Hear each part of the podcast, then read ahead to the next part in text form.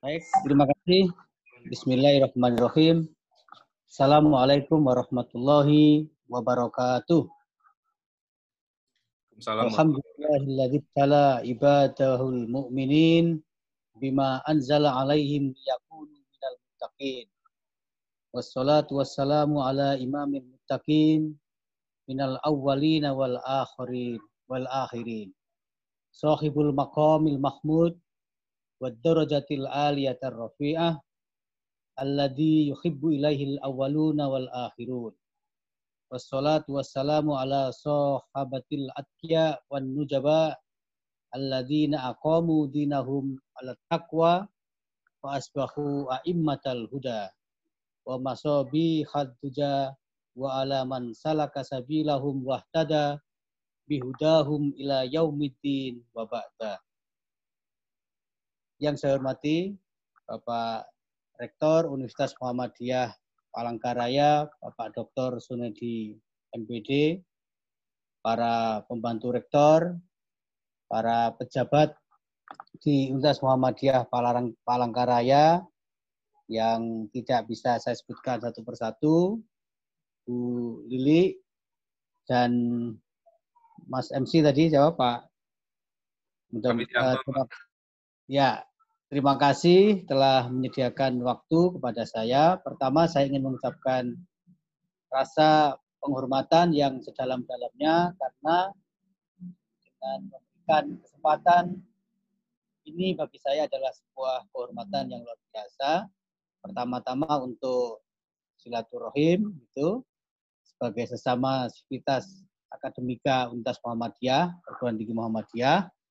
Kemudian yang kedua juga di samping silaturahim, belakangan ini kita juga sering mendengar istilah silatul fikri, silaturahmi dan silatul fikri. Jika silaturahmi itu adalah sambung rasa, sambung uh, persaudaraan, maka silatul fikri itu adalah sambung pemikiran. Jadi kita berbagi. Nah, mudah-mudahan nanti kita betul-betul bisa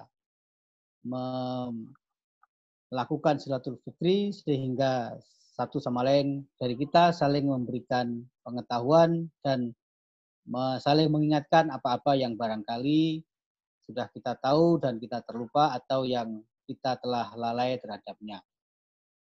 Bapak Ibu hadirin sekalian, Bapak Rektor dan semua keluarga besar Sivitas Akademika Universitas Muhammadiyah Palangkaraya, memang ini situasi yang sangat tidak biasa. Semua orang di dunia mengalami situasi yang sangat luar biasa ini dan karena itu mau tidak mau kehidupan kita termasuk kehidupan beragama yang kita jalani ikut mengalami perubahan atau ikut mengalami akibatnya. Nah, kalau kita mengamati secara umum di tengah masyarakat muslim di Indonesia saja, maka saya melihat ada beberapa cara atau ada beberapa kecenderungan yang dilakukan oleh atau yang ditunjukkan oleh masyarakat muslim kita di Indonesia terhadap bencana ini. Jadi baik dari Pak Rektor maupun Bu Lili, saya setuju akan lebih baik manakala terhadap bencana ini kita menekankan sisi-sisi positif. Tentu hal-hal yang negatif telah kita lihat bersama, tetapi manakala kita terlampau fokus pada hal-hal negatif, jangan-jangan itu malah akan mengurangi produktivitas kita, tak hanya produktivitas tapi juga mengurangi rasa syukur kita kepada Allah. Karena itu saya terus terang secara pribadi eh, meskipun melihat bencana ini luar biasa dampaknya dan juga jangkauannya global, tapi berusaha untuk mencari hal-hal positif supaya kita tidak terlena. Di samping itu, eh, manfaat dari menekankan hal-hal positif itu adalah karena dengan begitu lalu pemikiran atau pikiran kita akan termotivasi untuk terus melakukan hal-hal yang positif. Ada banyak ahli uh, tentang bagaimana pengaruh pemikiran terhadap tindakan. Belakangan ini para ahli motivasi sering menyebut jika kita menginginkan sesuatu untuk kita lakukan, maka pikirkanlah secara kuat, tapi pada saat yang sama juga melakukan tindakan yang disebut dengan afirmasi. Tindakan itu pada dasarnya adalah afirmasi untuk mewujudkan sesuatu yang kita pikirkan, tetapi pada saat yang sama, kekuatan pikiran yang luar biasa juga menjadi kekuatan afirmatif tersendiri bagi sebuah tindakan. Nah, karena itu sekali lagi lebih baik kita manfaatkan energi kita untuk berpikir positif di tengah situasi yang demikian ini. Nah, lalu tema yang diberikan kepada saya adalah berkaitan dengan makna takwa atau bagaimana COVID-19 ini bisa membawa kita ke dalam ketakwaan yang lebih luas, pada ketakwaan yang lebih mendalam, meningkatkan ketakwaan, baik itu untuk konteks individu, keluarga, maupun masyarakat. Meskipun judulnya adalah keluarga, tapi tentu saya ingin membawa ini ke dalam konteks yang lebih luas karena kita hidup di dalam satu kesatuan setidaknya itu dalam ilmu sosiologi orang menyebutkan uh, individu, keluarga, dan masyarakat adalah tiga unit sosial yang tidak bisa dipisah-pisahkan. Sehingga ketika kita berbicara tentang keluarga, sebenarnya kita juga tentang sedang berbicara tentang salah satu uh, unit pendukung masyarakat atau pembentuk masyarakat. Nah, maka nanti saya pada bagian pertama akan sedikit menyinggung tentang makna takwa dengan mengutip beberapa ulama, kemudian berkaitan dengan uh, corona dan hikmahnya dalam kehidupan kita dalam meningkatkan ketakwaan itu ada empat bagian yang ingin saya sampaikan, yaitu berkaitan dengan bagaimana corona ini kita kaitkan dengan hubungan antara agama dan ilmu pengetahuan. Itu yang pertama setelah kita membahas tentang agama dan ilmu pengetahuan, lalu kita berbicara tentang hikmah teologis wabah corona. Bahwa apa sebenarnya dalam konteks uh, penyelenggaraan kehidupan bersama dengan lingkungan hidup di sekitar kita ini, wabah corona bisa memberikan manfaat. Kemudian bagian yang selanjutnya adalah saya ingin membahas tentang uh, wabah corona dan fungsi kekhalifahan manusia. Dan yang bagian terakhir sebelum menutup, saya ingin menghubungkannya dengan corona sebagai bentuk ujian keimanan dari Allah Subhanahu wa taala kepada umat manusia, bukan hanya umat Islam, tapi juga umat manusia di dunia ini. Nah, lalu setelah itu nanti kita tutup uh, saya akan menutup pembicaraan saya setelah membicarakan bagian terakhir tentang corona dan ujian keimanan ini. Bapak Ibu hadirin sekalian, keluarga besar Universitas Muhammadiyah Palangkaraya yang berbahagia dan dirahmati oleh Allah. Eh, takwa kita tahu semua. Apa makna takwa itu dalam dalam kehidupan sehari-hari dan ini di mana-mana dibicarakan ya. Eh, tetapi ada baiknya. Sedikit kita mengutip eh, sesungguhnya takwa itu apa dan bagaimana. Ya, yang paling sering kita dengarkan adalah Takwa itu rasa takut. Menjaga rasa takut ini bukan kepada siapa-siapa, tetapi hanya kepada Allah Subhanahu wa taala. Nah, eh, perkataan seperti ini sangat umum dan yang disebut dengan definisi takwa itu begitu banyak.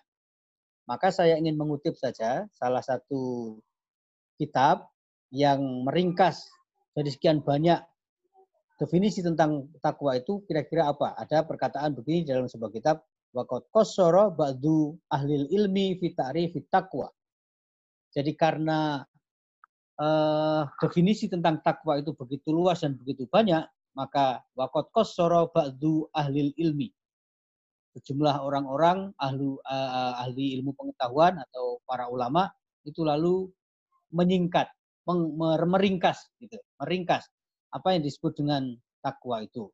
Nah, apa itu eh, yang disebut dengan takwa menurut ringkasan para ahli yang banyak itu adalah eh, fi'lul ma'murat eh, mengerjakan hal-hal yang diperintahkan. Watarkul manhiyat dan meninggalkan hal-hal yang dilarang. Wa min dzalika qaulu Abi Ubaidillah atau Atunisi. Nah, jadi di antara perkataan ulama yang bisa kita kutip untuk menunjukkan kepada makna itu adalah seorang ulama dari Tunis yang bernama Abi Abi Abdullah Hakikatut Taqwa ibaratun yang disebut dengan takwa itu pada hakikatnya adalah ibarat ibaratun an imtithalil makmurat. Jadi itu tadi ibaratun atau kalimat atau perkataan yang digunakan untuk menggunakan uh, menyebut takwa itu adalah mengerjakan hal-hal yang diperintahkan dan menjauhi hal-hal yang yang dilarang. Nah, jadi secara sederhana begitu dan kita semuanya telah mengetahui makna ketakwaan itu dalam kehidupan sehari-hari sedemikian luas karena pesan-pesan takwa itu senantiasa kita dengarkan setiap saat. Maka eh, takut kepada Allah dalam arti menghindari yang dilarang dan melakukan laksanakan yang diperintah tadi itu adalah rumusan paling umum dari uh, makna takwa sebagaimana yang di yang disepakati oleh para ulama berdasarkan perkataan uh, Abdu, uh, Abi Abdullah At-Tunisi tadi itu. Nah, tetapi sedikit lebih dalam kalau mengetahui tentang makna kebahasaan takwa itu adalah seperti itu, lalu bagaimana sesungguhnya makna takwa itu secara lebih mendalam. Nah, saya ingin kembali mengutip seorang ulama yang bernama Muhsin Samih Al-Khalidi, Dr. Muhsin Samih Al-Khalidi dalam bukunya At-Taqwa fil Qur'anil Karim, At-Tafsir Al-Maudhu'i. Di situ dia menunjukkan ada lima makna tentang takwa yang dalam bahasa uh, tulisannya dia menyebutnya sebagai ada uh, uh, disebut dengan Inna fil Qur'anil Karimi at-taqwa lahu khamsatu aujahid. Jadi bahwa yang disebut dengan takwa itu menurut Al-Quran dan Al-Quran memiliki lima pemahaman. Yang pertama adalah al-khosyah. Nah, jadi tadi sudah saya katakan di awal bahwa makna umum dari takwa itu adalah takut. Ini sebagaimana disebutkan di dalam surat Al-Quran, wa iya ya fattakun maka kepadaku hendaklah kamu takut. Atau firman Allah yang lain, wattaku yauman turja'un fihi ilallah. Dan takutlah kalian semua pada satu hari ketika semua orang dikembalikan kepada Allah. Itu adalah makna yang pertama. Jadi uh, at-taqwa bimakna al-khosyah. Kemudian yang kedua, al-wajhu athani itu adalah at-ta'ah wal ibadah. Yang disebut dengan takwa itu adalah taat dan melakukan ibadah. Al ibadah itu juga sebenarnya secara umum bisa kita artikan sebagai penghambaan. Jadi kalau kita sudah mengakui Allah sebagai satu-satunya Tuhan kita, maka tidak ada kata lain kecuali harus menghambangkan diri kepadanya. Ini semua ini seperti disebutkan di dalam surat salah satu ayat di dalam Al-Qur'an, ya ayyuhalladzina amanu taqullaha haqqa tuqatih. Wahai orang-orang yang beriman, bertakwalah kamu kepada Allah dengan sebenar-benarnya takwa. Uh, kemudian yang lainnya, yang ketiga adalah al-wajhu asalis atau makna ketiga dari takwa menurut Al-Quran itu adalah tanzihul kolbi anil dunub. Jadi bertambahnya rasa takut hati ini kepada dosa. Nah, jadi itu yang ketiga. Kita singkat saja karena supaya kita punya banyak waktu untuk berbicara tentang hikmah ya. Kemudian al-wajhu ar-rabi makna keempatnya itu adalah at-tauhid asy-syahadah. Jadi takwa itu artinya mengesahkan Allah, menyaksikan bahwa tidak ada Tuhan lain selain Allah. Uh, seperti perkataan di dalam Al-Quran, wattaqullah atau ulaikal ladzina Allahu qulubahum littaqwa. Kemudian makna terakhir dari takwa menurut Al-Quran dan Sunnah sebagaimana disebutkan oleh Dr. Muksin Sami Al-Khalidi itu adalah al-ikhlas. Jadi keikhlasan.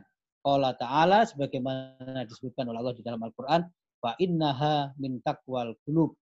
Jadi uh, ikhlas itu tidak lain adalah merupakan bagian dari cermin hati yang takwa.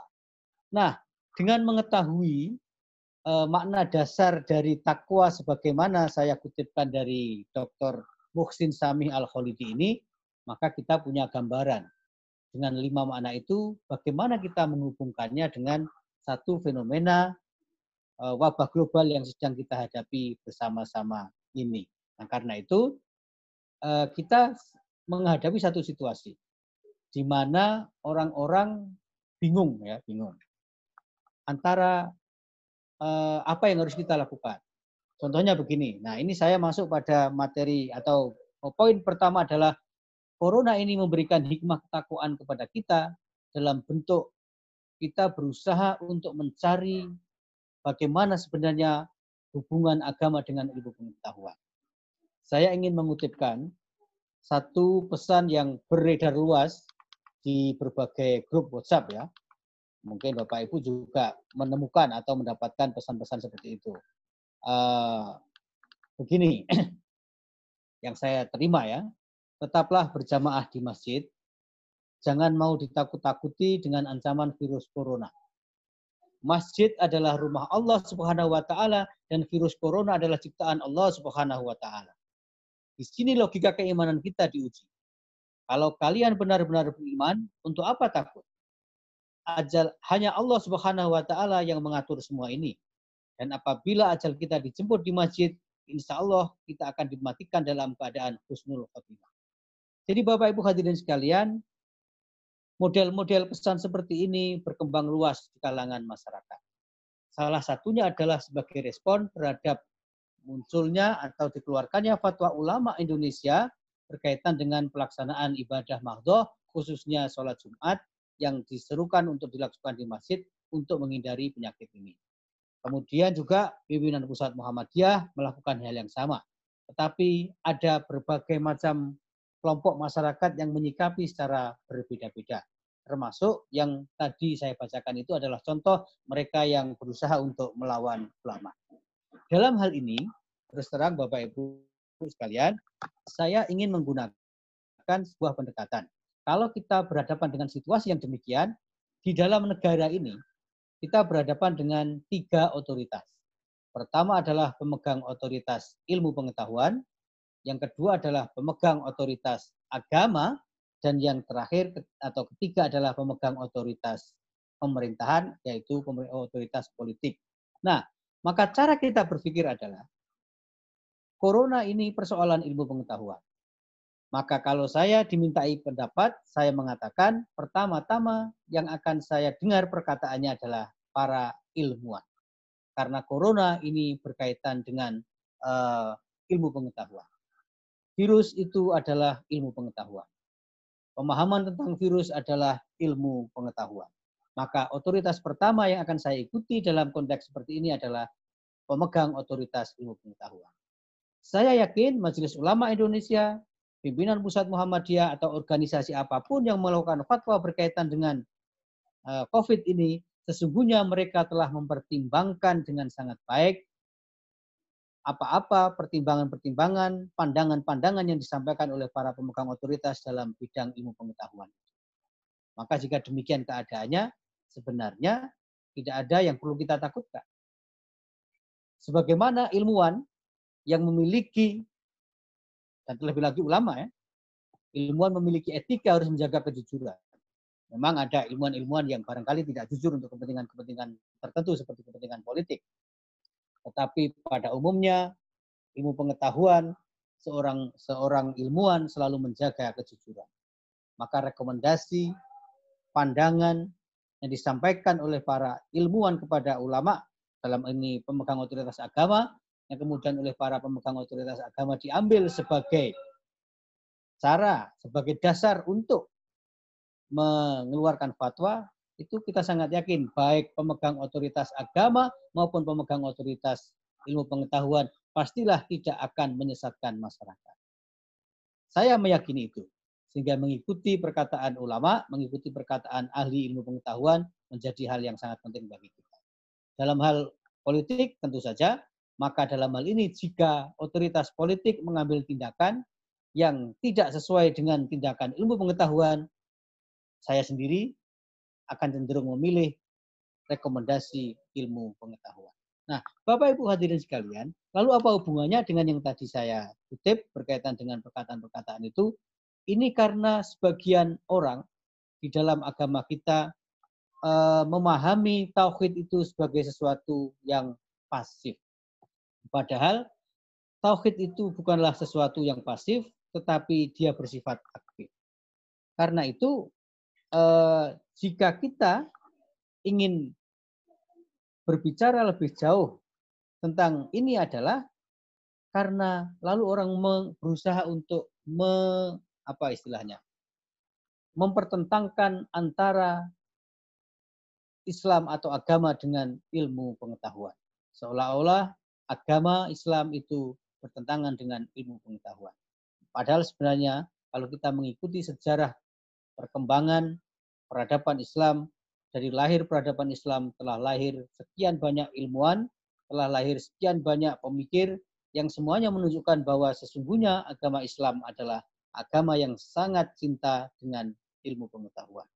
Nah, karena itu Eh, kita bisa mengutip seorang pemikir dari Mesir yaitu Muhammad Abduh. Beliau mengatakan bahwa memanglah benar bahwa salah satu konsekuensi tauhid mengimani Allah adalah ketundukan dan kepasrahan total kepada kehendaknya. Tetapi itu tidak bermakna bahwa manusia harus bersifat bersikap fatalistik, pasrah apa adanya dalam menjalani kehidupan terlebih fatalisme yang di atas namakan tauhid tadi. Maka dalam hal ini sekali lagi, tauhid bukanlah sebuah keyakinan pasif dan tidak rasional, tetapi sebaliknya tauhid meniscayakan manusia untuk bersifat proaktif dan rasional dalam menjalani kehidupan. Sehingga keyakinan akan keberadaan Allah dan kepasrahan kepadanya sebagai inti dan konsekuensi tauhid tidak serta-merta membebaskan manusia dari kewajiban berusaha. Ini disebutkan oleh Muhammad Abduh di dalam kitabnya Risalatul Tauhid. Dan lebih jauh dia mengatakan bahwa akal sesungguhnya adalah dasar agama. Maka ajaran-ajaran agama tidak mungkin bertentangan dengan hukum akal.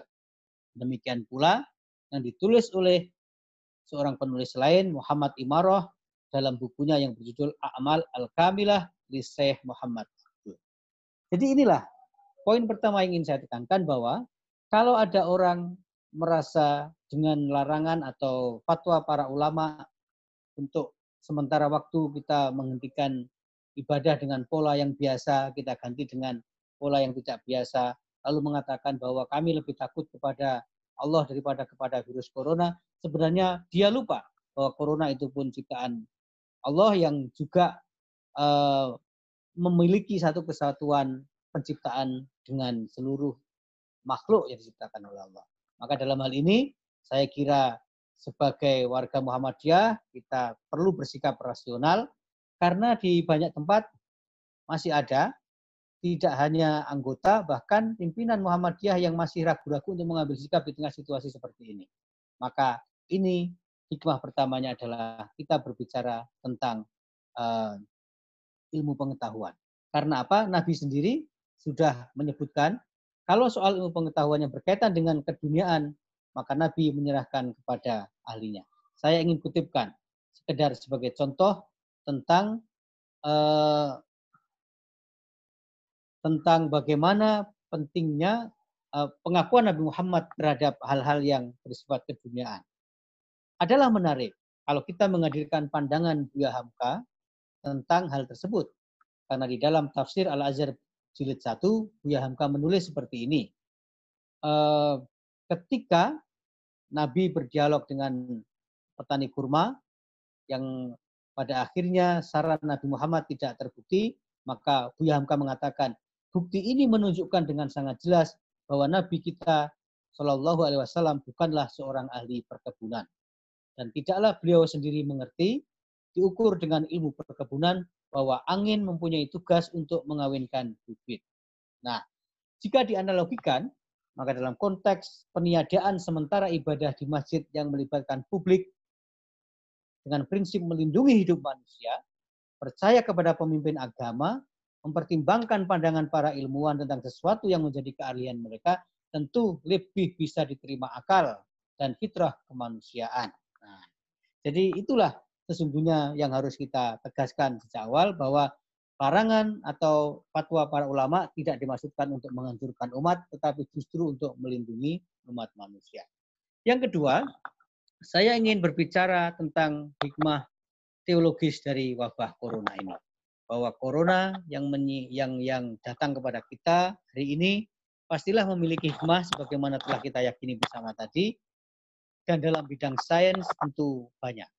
Tetapi tentu sebagai orang yang tidak bergelut di bidang sains, memahami corona dalam ilmu biologi bukan bukanlah keahlian saya, tetapi ada prinsip-prinsip etika yang bisa kita ketengahkan ketika kita berbicara tentang virus corona ini.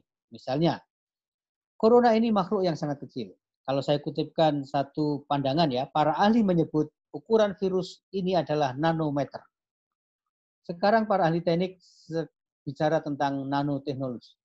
Nanoteknologi itu maknanya eh, pemahaman saya, teknologi yang sangat kecil tapi bisa memiliki fungsi yang sangat banyak. Meskipun di kalangan ilmuwan terdapat perbedaan dan perdebatan apakah virus merupakan makhluk hidup atau bukan, namun satu hal yang pasti, virus adalah ciptaan Tuhan. Saya kira tidak kita ragukan bahwa virus pasti ciptaan Tuhan. Nah, tetapi makhluk kecil yang tak terlihat mata telanjang itu ternyata telah menyedot energi dunia yang luar biasa. Sehingga dari sudut pandang hikmah, wabah corona adalah momen yang sangat tepat untuk melakukan perenungan atas keimanan dalam kaitannya dengan penciptaan alam semesta. Maka mari kita lihat bagaimana Allah berbicara tentang sesuatu yang mirip virus ini dengan mengutip surat Al-Qur'an uh, surat Al-Baqarah ayat 26 tentang penciptaan nyamuk. Innallaha la yastahi ayyadriba masalama ba'udotan fama fauqaha. Sesungguhnya Allah sama sekali tidak malu menciptakan nyamuk atau bahkan makhluk lain yang lebih kecil dari nyamuk. Ternyata dari dalam penciptaan nyamuk ini sudah terdapat terdapat ujian. Karena pada lanjutan ayat itu disebutkan Fa'amal ladina amanu faya'lamuna annahul haqqu min rabbihim. Mereka mengetahui bahwa ini dari Allah. Sementara bagi orang-orang yang kafir, wa amal ladina kafaru fayaquluna madza aradallahu bihadza masalah. Apa sesungguhnya yang diinginkan oleh Allah dengan menciptakan makhluk yang sekecil ini? Nah, para ahli tafsir memberikan tafsiran yang menarik tentang nyamuk dan ayat 26 dari surat Al-Baqarah tentang nyamuk ini. Kata Ba'udoh dalam ayat ini memang masih diperdebatkan oleh mereka, tetapi ada yang mengartikan secara umum sebagai nyamuk, ada juga yang mengartikannya sebagai kutu busuk. Di dalam tafsir Al-Misbah, Profesor Kuresihab menganut pandangan yang terakhir. Tetapi para ahli biologi, sekali lagi saya bukan ahli biologi, saya hanya mengutip data-data dari berbagai macam penelitian. Seiring dengan perkembangan akal manusia dan hakikat rasa ingin tahu, aneka makhluk hidup, bahkan yang kecil dan tak kasat mata, dijadikan sebagai objek penelitian untuk memperoleh pengetahuan baru. Maka nyamuk termasuk salah satunya. Mungkin Bapak Ibu yang ahli biologi sudah mengetahui, tapi bagi yang lain barangkali belum. Ternyata sebuah penelitian menyebut jika dilihat dengan mikroskop dan dibesarkan 400 kali ukurannya, akan terlihat dengan jelas kerumitan struktur tubuh nyamuk itu. Bayangkan nyamuk yang sekecil itu ternyata memiliki struktur tubuh yang sangat rumit. Nah, apa saja kerumitan itu? Nyamuk memiliki 100 mata di kepalanya. 100 mata. Kemudian ada 48 gigi, ada tiga jantung dalam tubuhnya, dan nyamuk itu mengeluarkan bius, tetapi dia mengeluarkan bius hanya ketika jarumnya uh, menggigit kulit manusia. Seketika ketika seketika dia men, uh, selesai menggigit jarum uh, bius itu sudah tidak ada sehingga kita kesakitan justru setelah nyamuk itu pergi. Sehingga itu lalu uh, yang menarik lagi adalah ternyata dalam dalam jarak 30 meter nyamuk ini telah bisa merasakan kehadiran manusia dengan mencium bau badannya. Nah, jadi ini sesuatu yang barangkali tidak pernah terpikirkan oleh kita tentang nyamuk. Kemudian dalam tafsir Al-Marogi, Ahmad Mustafa Al-Marogi menyebutkan, berdasarkan riwayat Ibnu Abbas, bahwa ayat ini turun sebagai bukti keajaiban Al-Quran untuk menjawab tuduhan atau keraguan umat Yahudi yang menganggap remeh permisalan-permisalan yang menggunakan serangga kecil di dalam Al-Quran. Sebelum ayat yang saya kutip di atas, ada juga ayat lain sebenarnya Allah menyebutkan dua serangga yakni laba-laba dan lalat. Yaitu disebutkan di dalam surat Al-Ankabut ayat 41. Masalul ladzina takhadu min dunillahi awliya kama salil angkabut ittakhadat baita. Kata Allah, perumpamaan orang-orang yang mengambil pelindung selain Allah adalah seperti laba-laba yang membuat rumah. Kemudian dikatakan pada ayat berikutnya, wa inna auhanal buyuti labaitul angkabut. Dan selemah-lemahnya rumah itu adalah rumah laba-laba seandainya mengetahui. Kemudian ada ayat lain tentang serangga, yaitu surat Al-Hajj ayat 73. Ya ayuhan nasu duriba masalum fastami'ulah. Innal ladzina tad'una min dunillahi la yakhluqu dubaba wala wala wijtama'ulah. Jadi Allah ini menantang. Sebagaimana tantangan Allah kepada eh, orang-orang uh, kafir yang menista Al-Quran, Allah juga memberikan tantangan, wahai manusia, telah dibuat perumpamaan, maka dengarkanlah. Sesungguhnya segala sesuatu yang kamu seru selain Allah tidak dapat menciptakan seekor lalat pun walau mereka bersatu untuk menciptakan.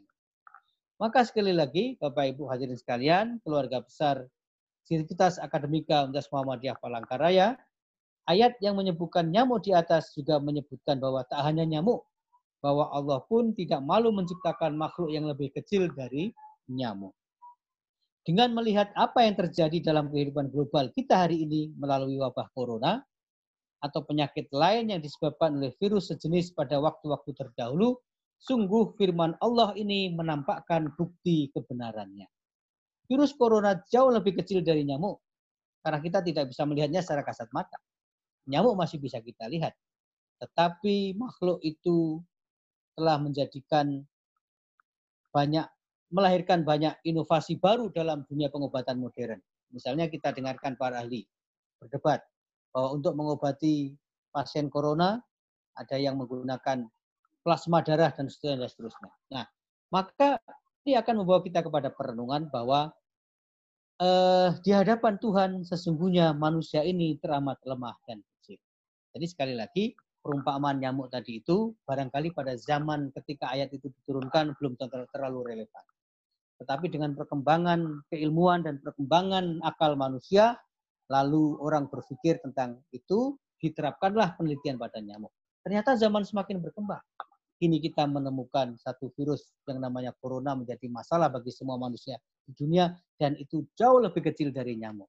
Itulah yang dibuktikan, itulah bukti dari perkataan Allah Inna Allah la yastahi ayadriba masalama ba'udotan fama fauqoha. Ba'udoh bisa saya ciptakan, kata Allah, tapi bahkan saya tidak malu menciptakan yang lebih kecil dari nyamuk. Dan corona ini saya kira adalah apa namanya bukti dari kebenaran firman Allah itu yang dengan sendirinya berarti jika kita meyakini ini semua tidak ada lain kecuali ketakwaan kita akan semakin bertambah kepada Allah Subhanahu wa taala. Hadirin Bapak Ibu Sivitas Akademika Undas Muhammadiyah Palangkaraya yang dimuliakan oleh Allah. Yang ketiga, ada satu uh, video singkat, saya mendapatkan ini dari seorang kawan yang dikirimkan kepada saya menggambarkan situasi wabah global yang sedang melanda manusia di seluruh dunia saat ini. Itu berasal dari radio BBC London. Video singkat itu berisi seperti sebuah puisi. Nah, saya bacakan saja potongan puisinya ya, potongannya tidak tidak total. Puisi itu berjudul Lockdown. Kita semuanya tahu sekarang terjadi lockdown di mana-mana. Tapi puisi ini bermaksud sebagaimana di awal-awal tadi kita telah membicarakan bermaksud membawa makna positif dari lockdown yang ditakuti oleh banyak orang ini. Dia menulis di dalam puisi itu lockdown. Yes, there is fear. Yes, there is isolation. Yes, there is panic buying. Yes, there is sickness. Yes, there is even death. Ya, Lockdown telah menimbulkan ketakutan. Lockdown telah menimbulkan keterasingan.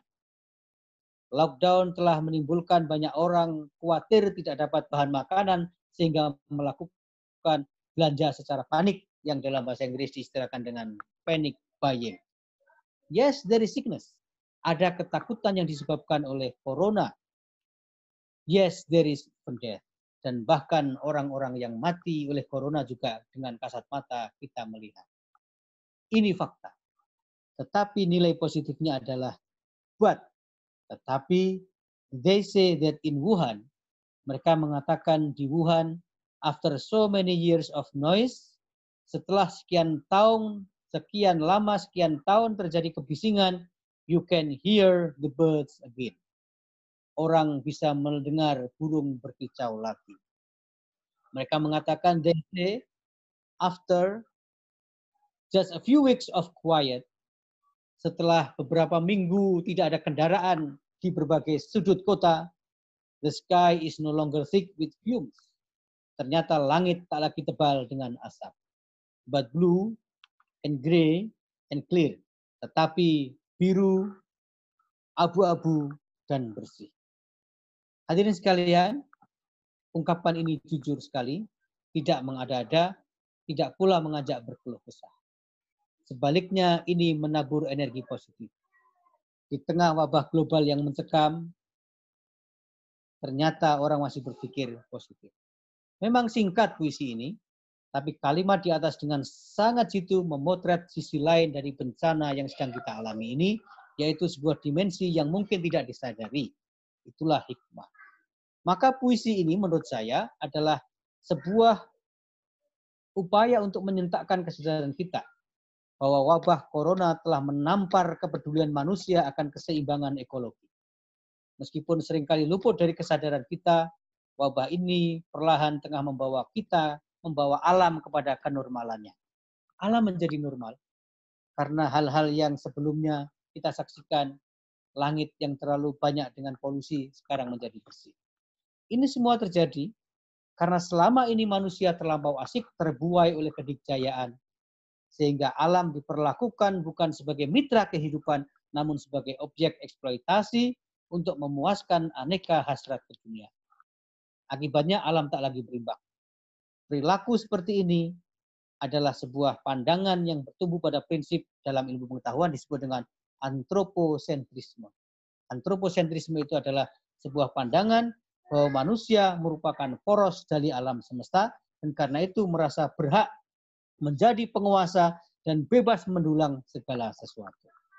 Nah, kita sudah melihat sekarang sebuah data ingin saya kutip. Misalnya, tingkat kebutuhan manusia kepada pangan dan kebutuhan akan energi menunjukkan kecenderungan yang meningkat dari zaman ke zaman. Tetapi pandemi global corona yang mengarahkan anek yang mengakibatkan aneka pembatasan perjalanan telah menjadikan konsumsi bahan bakar berkurang. Kita tidak pergi ke mana-mana. Uh, bandara-bandara tutup, pesawat juga di grounded, dan itu berarti ada penurunan tingkat kebutuhan bahan bakar. Tak main-main tingkat penurunannya, sehingga akibat nyatanya bisa dirasakan pada permintaan minyak di tingkat dunia. Misalnya, rendahnya permintaan minyak itu yang menyebabkan Rusia dan Saudi gagal bersepakat tentang harga. Akibatnya, harga minyak menjadi sangat rendah. Kini harga minyak global adalah kurang lebih 25 US dollar per barrel, sementara pada tahun 2008 harga tersebut adalah 140 US dollar per barrel. Saya ingin mengutip seorang profesor di bidang lingkungan dari Universitas Yale Amerika Serikat, namanya Kenneth Gellingham, dia menyebutkan bahwa akibat virus corona ini emisi polusi udara mengalami penurunan yang sangat dramatis. Jadi puisi yang menggambarkan Wuhan tadi itu, bahwa setelah beberapa hari lockdown, tidak ada kendaraan, langit kembali cerah, itu sebenarnya adalah cara cara alam bekerja. Maka ini bukti bahwa tanpa disadari sekali lagi, corona telah mengembalikan alam kepada keseimbangan. Sehingga saya menulis satu artikel yang ada pertanyaan pertanyaan uh, apa namanya pertanyaan ironik di situ. Jadi sebenarnya yang diberi oleh Allah tugas untuk menjaga keseimbangan alam ini manusia apa corona? Dan kita tentu tahu bahwa keseimbangan adalah tugas ilahiyah yang dibebankan oleh Allah kepada manusia lantaran manusia telah bersedia mengemban amanat, tentu saja termasuk amanat merawat alam. Surat Al-Azab ayat 72 menyatakan, Inna aradnal amanata ala samawati wal ardi wal jibali fa'abaina an yahmilnaha fa asbaqna wa insan. Jadi uh, manusia menerima gitu. Manusia menerima menjadi penerima amanat untuk menjaga bumi tapi ternyata tidak dijalankan karena eksploitasi yang berlebihan terhadap uh, potensi alam alam alam semesta. Ini adalah hikmah.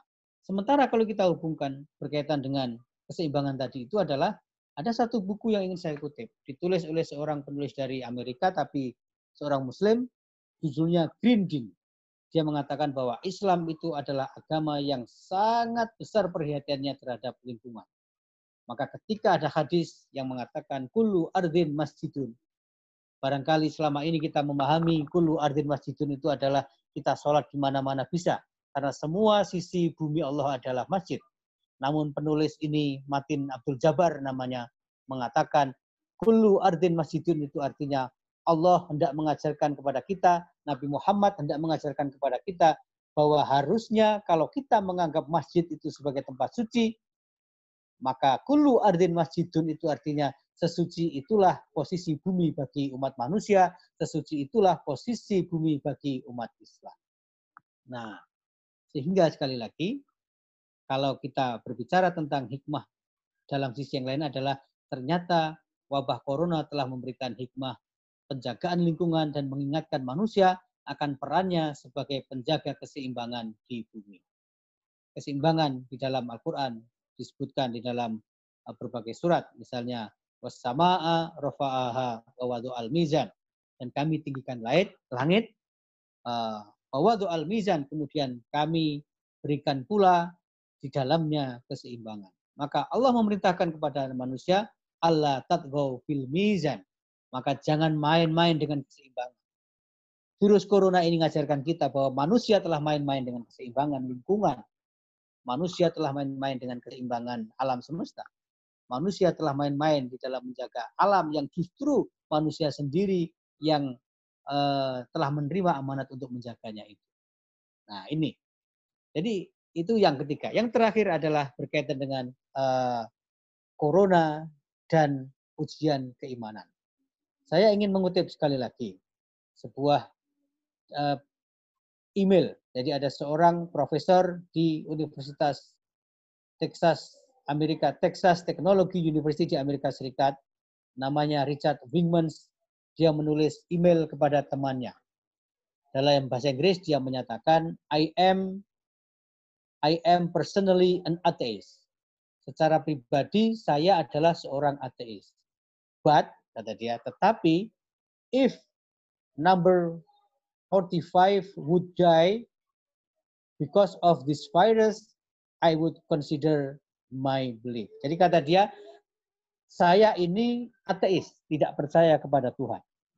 Tapi kalau nomor 45, nomor 45 itu maksudnya Donald Trump, karena 45 itu adalah nomor, uh, karena Presiden Donald Trump itu adalah Presiden Amerika yang ke-45, maka dia mengatakan, kalau Presiden Donald Trump meninggal karena virus ini, maka saya akan beriman, kata Richard Pingman. Maksudnya apa? Karena bagi dia, kalau Donald Trump meninggal karena virus ini, itu artinya Tuhan ada. Kenapa demikian? Karena bagi dia dan sebagian besar orang yang lain, Donald Trump itu presiden Amerika yang paling buruk sehingga uh, bagusnya mati saja. Kira-kira begitu. Saya sendiri pernah mengikuti kursus singkat tentang politik Amerika dan 25 profesor yang mengajar kami di kelas selama kurang lebih dua bulan itu ternyata hampir semuanya tidak ada yang suka dengan Donald Trump. Nah, sehingga uh, Richard Ningman ini tadi mengatakan seandainya Donald Trump meninggal karena virus corona, saya akan berani menjadi orang beriman.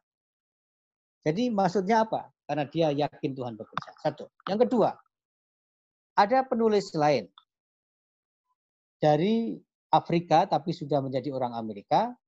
Dia pernah menjadi wartawan di uh, media Al Jazeera.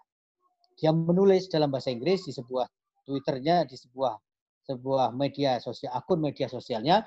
Kalau kita terjemahkan secara bahasa Indonesia kira-kira begini. Saya menantang kepada siapa saja yang pernah berbicara dengan saya, terutama lewat media sosial. Berikanlah kepada saya satu contoh bahwa Allah ada. Bahwa Allah telah melakukan sesuatu yang tidak bisa dilakukan oleh manusia dan dengan pertolongan Allah itu lalu kalian selamat. Ternyata tidak ada satupun jawaban yang memuaskan saya. Itu kata jurnalis tersebut. Kemudian ada satu lagi, penulis Bangladesh yang sekarang tinggal di Swedia. Dia sebenarnya seorang muslim, muslimah. Taslima Nasrina namanya. Tapi dia juga mengikuti perkataan seperti yang dua saya kutip di awal tadi. Dia mengatakan, selama virus corona ini kita melihat Mekah ditutup untuk pilgrimage, untuk haji, untuk umrah bagi orang di seluruh dunia. Sementara Madinah juga ditutup untuk orang-orang lokal di Saudi Arabia. Lalu dia menyimpulkan, sementara di Iran dia juga mengatakan begitu. Di Iran, sholat-sholat Jumat juga dibatalkan. Mungkin dia juga tidak tahu bahwa di Indonesia juga hal yang sama. Tapi kesimpulan yang dia dia ambil itu adalah dia mengatakan kalau begitu sebenarnya doa itu tidak ada fungsinya.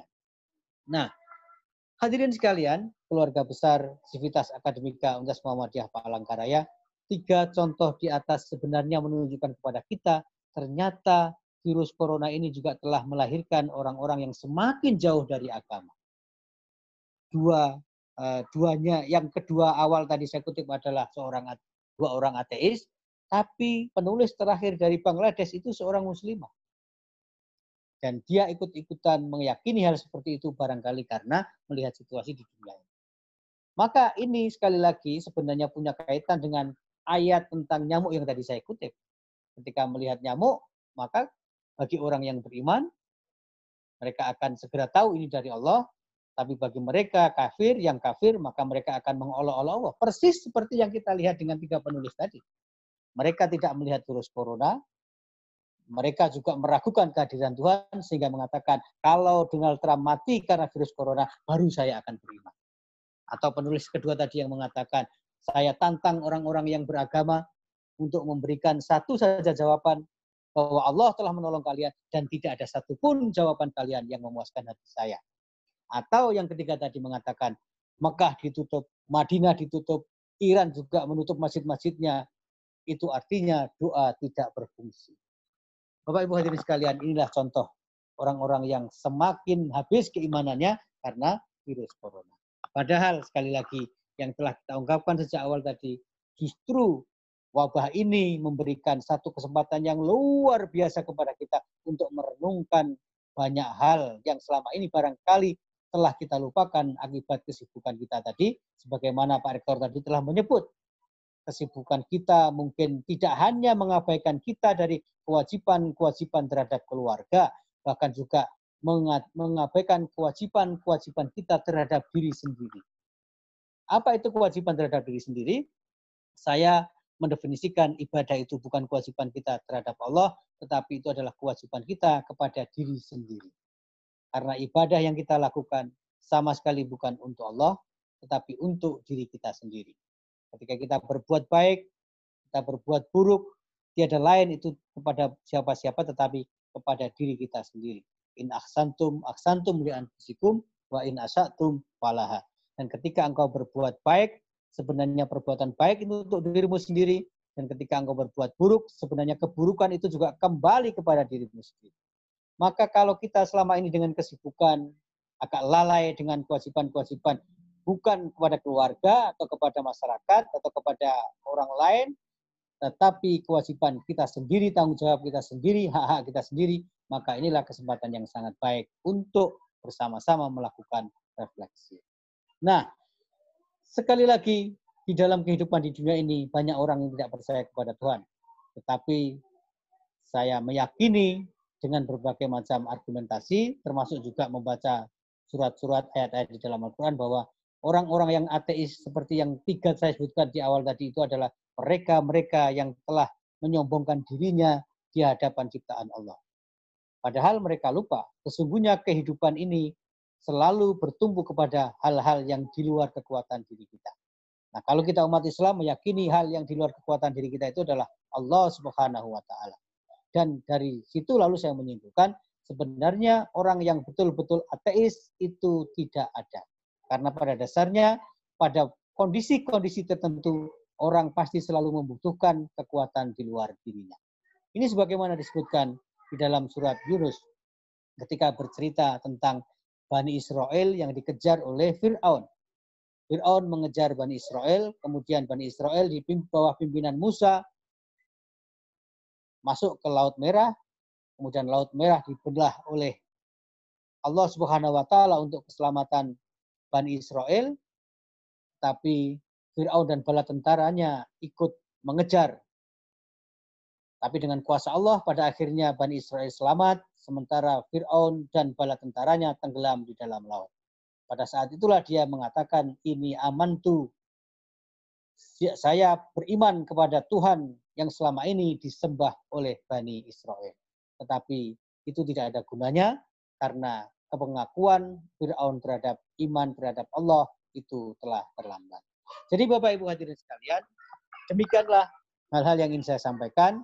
Ada empat perkara berkaitan dengan bagaimana cara kita mengungkap sisi-sisi yang bisa meningkatkan ketakwaan kita kepada Allah melalui virus corona ini. Pertama adalah bagaimana kita menghubungkan corona dan ilmu uh, hubungan antara ilmu pengetahuan dan agama. Yang kedua adalah hikmah teologis wabah corona. Yang ketiga adalah hikmah corona dalam mengingatkan kesadaran kita tentang tanggung jawab kita sebagai pemegang amanah di bumi ini sebagai khalifah Allah Subhanahu wa taala dan yang terakhir adalah bagaimana corona ini juga bisa saja memberikan goncangan kepada kita untuk lebih percaya atau bahkan tidak percaya sama sekali dengan keberadaan Allah Subhanahu wa taala. Nah, itulah empat hal penting yang jika kita renungkan maka ini bisa kita bawa ke dalam keluarga mendidik anak-anak dengan membaca buku-buku ilmu pengetahuan, mendidik anak-anak dengan membaca atau mengajak anak-anak jalan-jalan, melihat lingkungan sekitar dan seterusnya dan seterusnya dan kita beritakan tentang corona ini, maka sebenarnya sekali lagi itulah juga menjadi sarana penting untuk meningkatkan ketakwaan dalam tingkat keluarga. Tapi empat hal yang tadi saya sebutkan sebenarnya berlaku universal. Keluarga, individu, keluarga, dan masyarakat pasti semuanya akan mengalami empat hal itu manakala kita mau berpikir lebih dalam lagi. Demikian dari saya uh, untuk sementara waktu saya tidak tahu apakah ada dialog atau apa. Jika ada maka dengan senang hati saya uh, akan uh, menyediakan waktu untuk tersebut. Demikian terima kasih. Billahi taufik walidayah waridha walinayah. Nasrum minallah wa fatun qarib wa basyiril mu'minin. Wassalamualaikum warahmatullahi wabarakatuh.